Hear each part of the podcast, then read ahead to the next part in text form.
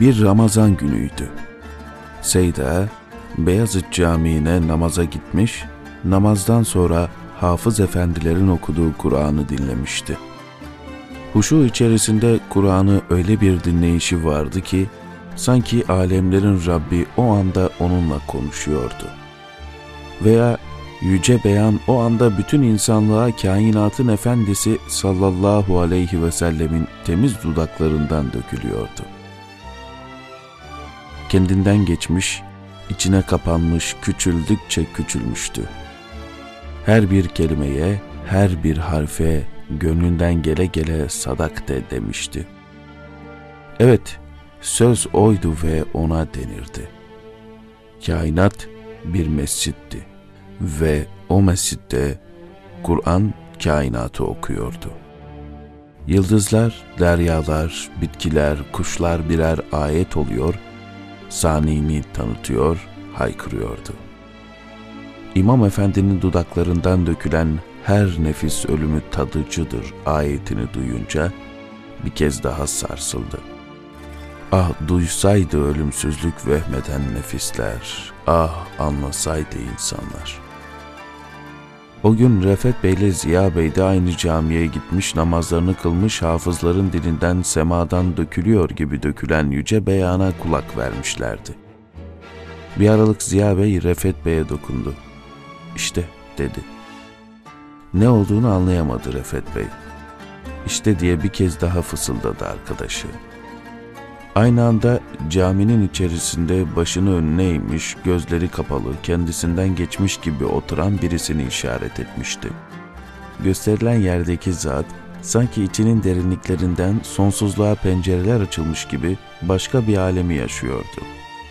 Her halinden belliydi. Kim o dedi. İşte Bediüzzaman dedi Ziya Bey. Seyda dizüstü oturmuş ellerini namaz kılıyor gibi bağlamıştı. O nasıl bir oturuş, o nasıl bir dinleyişti. Refet Bey, Kur'an'ın hakikatini kavramış bir insanın halinden alacağı dersi almıştı. Demek yüce kitap böyle dinlenmeli, onunla böyle bütünleşilmeliydi.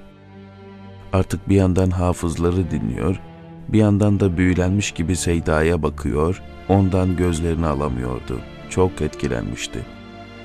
İçinden sanki saadet asrından gelmiş ve sanki saadet asrında okunan Kur'an'ı dinler gibi dinliyor diye geçti. Hafızların manevi ziyafeti bitti, Seyda başını kaldırdı, yavaşça yerinden doğruldu. Sanki asırları aşıp kendi asrına, beşerin dünyasına yeniden dönmüştü. Camiden çıktı, çizmelerini giydi. Kapının perdesi kapanırken Refet Bey'in gözlerinden kayboldu.'' Refet Bey aynı yöne baka kalmıştı. Seyda'nın Kur'an dinleyen halini o günden sonra hep hayal etti. O manzara belki de ömrünün sonuna kadar gözünün önünden hiç kaybolmayacak, hatırladıkça içini ürperten o tesiri hep hissedecekti. Seyda Ramazan'da sık sık camileri gezdi. Milletinin maddi manevi elemleriyle bunalan ruhuna nefes aldırdı.'' Kainatı arkada bırakıp Rabbine yönelmek insana huzur veriyor, adeta günün meşakkatinden teneffüs imkanı sağlıyordu. Sınıftan teneffüs için bahçeye çıkan talebenin ihtiyacı gibi, insan ruhunun da dünyadan teneffüse ihtiyacı vardı. Günün meşakkati, dağdağısı, kararsızlığı, boğuculuğu içinde kim, hangi ruh vardı ki soluklanmak için bu ihtiyacı hissetmesin?'' Ruhun teneffüsü ibadet ve ibadet mekanlarıydı. İbadetsiz ruh onun için bitkin, onun için tahammülsüzdü ve arsızdı. Kur'an okuyan hafızlara Seyda sık sık iltifat ederdi. Yine bir gün Beyazıt Camii'nde Kur'an'ın ruhunda duyarak okuyan Ali Rıza Sağlam Efendi'nin yanına yaklaştı, içinin coşkusunu paylaştı. Var ol hafızım, çok yaşayın muhterem hafızlar.'' Siz bugün irşat vazifesini hocalardan, vaizlerden daha geniş ve sağlam olarak görmektesiniz.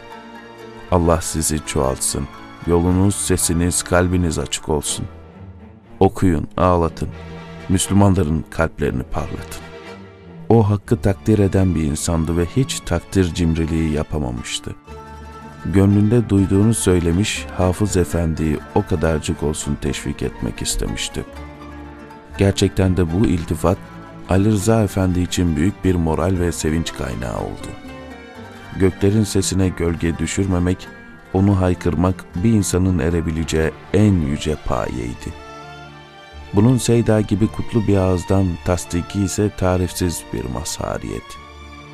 Ali Rıza Efendi o gün hanesine bu büyük saadetle Seyda ahşap köşke manevi ve fikri mütalalarla döndü.''